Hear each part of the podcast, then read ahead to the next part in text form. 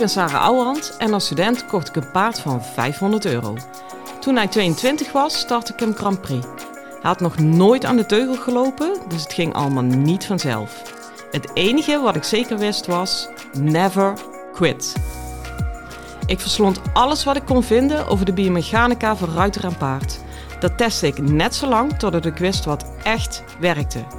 In deze podcast leer ik jou alles over je rijtechniek, je houding en zit en je mindset. Want ook jij kan naar de Grand Prix gaan, zelfs als je geen miljoenenpaard hebt.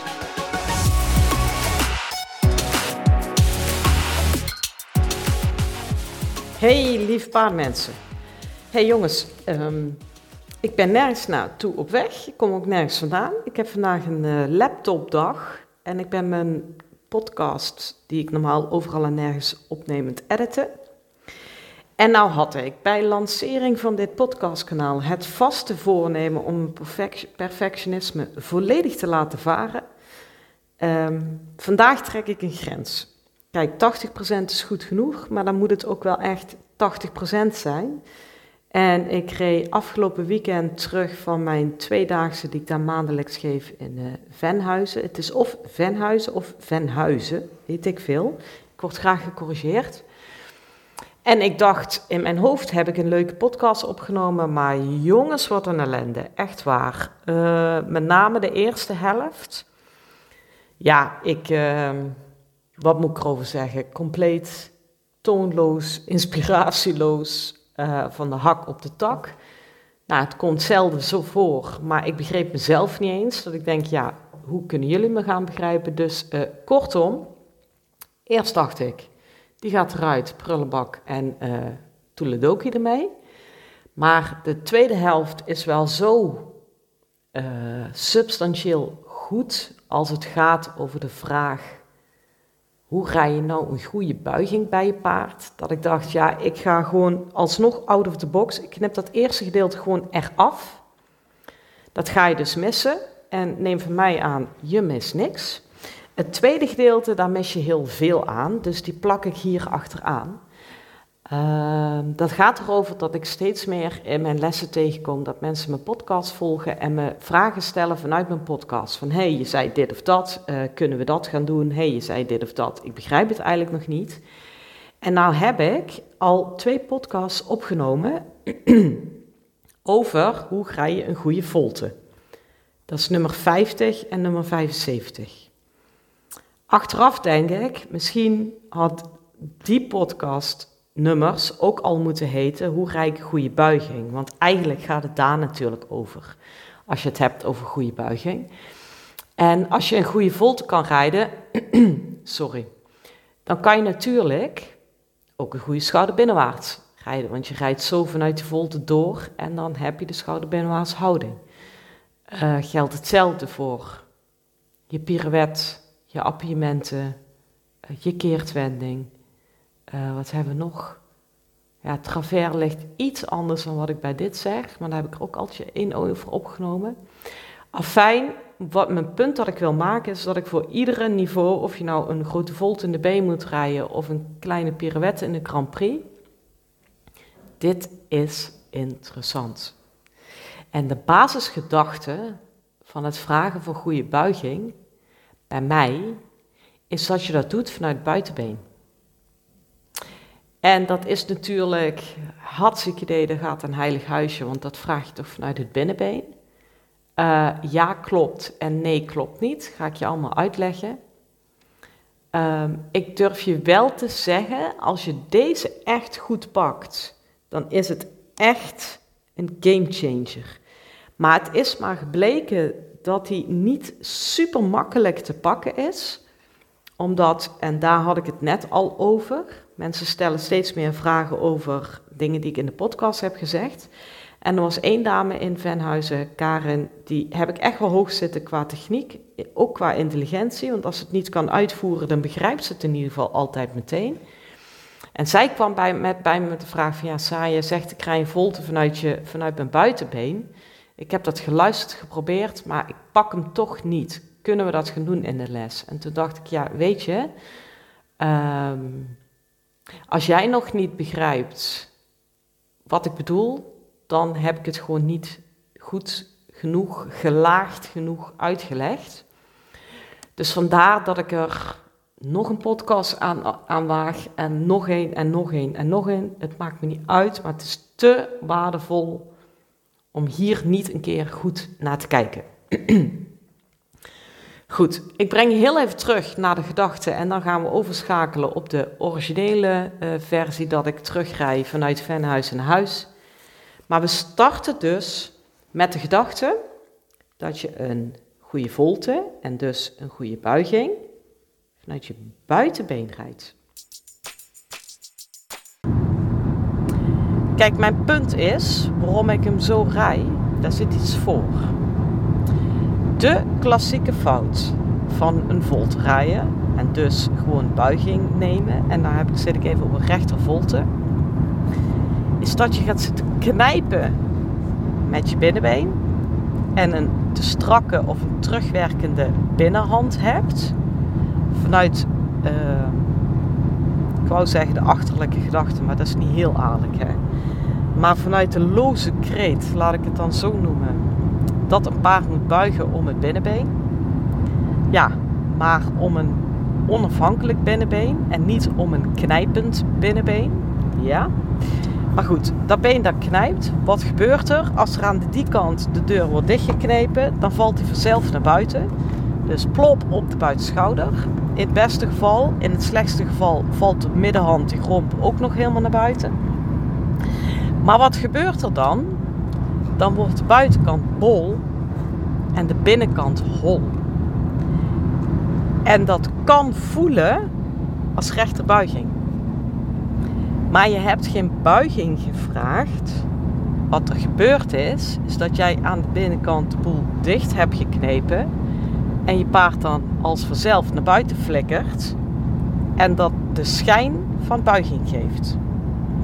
En ik zeg hem even gewoon zo stevig, omdat het zo helder in je hoofd moet zitten, omdat je dan gaat snappen waarom ik een volte rij vanuit mijn buitenbeen.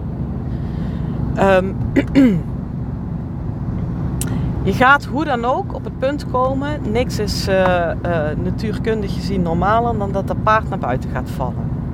Je hebt namelijk uh, te maken met G-krachten, dat weet je ook, daar is het hele idee van centrifugeren op gebaseerd in de wasmachine. Als je maar lang hard genoeg ronddraait, dan klapt de hele boel naar buiten en dan krijg je zo'n druk tegen die wand dat dat water uit die, uh, uit die was geperst wordt. Ja? Nou, als je minder hard rondjes draait, word je minder hard naar buiten geperst, maar je wordt altijd in enige mate naar buiten toe geperst. Dus die G-krachten die werken altijd op je paard. Dus je krijgt altijd, hoe, hoe, hoe valt die naar buiten? Oké. Dus je zit altijd per direct bij een volte in de schijn van valse buiging. Want ze willen altijd naar buiten vallen. Ik neem je even helemaal mee in mijn redenering. Nou, die schijn van valse buiging, dat is het eerste wat ik op wil lossen. Dus daarom ga ik met mijn buitenbeen naar voren toe rijden. En eigenlijk, als ik het in bewegingsenergie zeg, ga ik met mijn buitenbeen naar het binnenvoorbeen eruit rijden. Voel je die diagonaal? Dus wat die naar buiten valt, stuur ik niet plat naar binnen toe, maar schuin naar voren naar binnen toe. Want je bent wel, ik wil wel een voorwaartse beweging, anders krijg je alleen maar een wijkende beweging. Ja? Dus met jouw buitenbeen ga je binnenvoorbeen eruit. Als je nou die invult, echt heel specifiek op deze, dat je een pijl trekt van jouw binnenbeen, maar het binnen, uh, sorry, hier gaat hij mis. Trek in gedachten, je ziet een ruiter aan paard van bovenaf. Ja, je ziet het poppetje erop zitten. Nou trek je een lijn van je buitenbeen naar zijn binnenoor. Want dat is waar je het binnenvoorbeen naartoe rijdt. You've got this. Het binnenvoorbeen wordt geplaatst naar de binnenbitring van het paard. En dat ligt een lijn met dat binnenoor. Oké? Als je die bewegingsenergie van linksachter naar rechtsvoor diagonaal door je paard heen laat komen. Wat gebeurt er dan in de binnenlenden van je paard? Ja, daar komt een knikje. Want je werkt van linksachter naar rechtsvoor.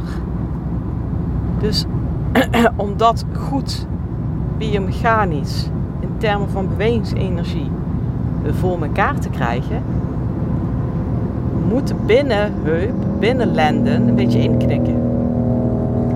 En wat hebben we dan? Buiging. En dan hebben we echte buiging en niet schijnbuiging, omdat die eigenlijk naar buiten valt. Voel je het? En dat ligt dus in lijn met het hele idee dat het punt dat ik maak in deel 1 en 2 van hoe rij je een goede volte. Uh, dat een volte een uitgesmeerde keertwending om de achterhand is. Want die keertwending om de achterhand, ik mag hopen dat je die hoofdzakelijk met je buitenbeen rijdt. Want anders, krijg je die draai gewoon niet. Ja, of je moet hem wel heel erg om gaan sleuren aan de binnenkant. En nou, ik doe maar even net of dat die mensen niet bestaan. Snap je? Um, wat wel is, dat is ook het spel van de keertwending om de achterhand. Als je uh, zo rijdt, natuurlijk kan het dan zijn dat je paard door het binnenbeen heen valt. Oké? En dan zeg je, ja, maar hij, nou ja, als ik van mijn buitenbeen, dan valt hij door mijn binnenbeen. En ik zeg dan, klopt, moet je ook corrigeren, is ook niet de bedoeling. Maar dan rij je ook niet vanuit jouw buitenbeen naar het binnenoor van het paard. Dan rij jij vanuit je buitenbeen naar je binnenbeen. Dat is naar binnen toe omvallen. Als jij werkelijk qua bewegingsenergie naar dat binnenoor toe rijdt, dan kan die niet omvallen, want hij moet die pas naar voren naar dat oor maken. Snap je? Dus dat. En als hij daar echt niet gehoorzaam is, dan geef je hem een keer een duidelijke tik met de binnenbeen dat je zegt: move hier. Je moet niet naar binnen toe omvallen, maar je moet schuin naar voren toe een pas nemen. Maar in principe, als je deze lijnen trekt en meegaat in deze gedachte, uh, nou, aangezien ik een punt al drie keer heb gemaakt in een podcast, zou je hiermee uit de voeten kunnen. Maar ik bedoel het trouwens niet lullig dat ik zeg ik heb hem al drie keer gemaakt. Want juist dat deze dame het me vroeg van... joh Sarah, ik kom er niet uit. Kun je het me uitleggen die ik heel hoog heb in techniek en qua intelligentie... en die echt al ver gevorderd is en mij op de voet volgt... dacht ik, ja, dan moet het nog een keer, weet je. Dan ben ik gewoon, daar komt hij, ben ik niet duidelijk genoeg geweest. En ik denk dat we hiermee de volledige volte hebben geneeld... Snap je hem alsnog niet? Gooi het in de show notes. Uh, en bedenk je, als je dit kan, kan je ook een keertwending. Als je dit kan, kan je ook een pirouette draaien. Als je dit kan, kan je ook een appiëment draaien, een schouder binnenwaarts. Dit is key, dit is alles. Oké? Dus ga non je, je stinkende best doen op die voltes. En uh, ja, ik wens je voor nu echt een hele fijne dag. Hoi hoi!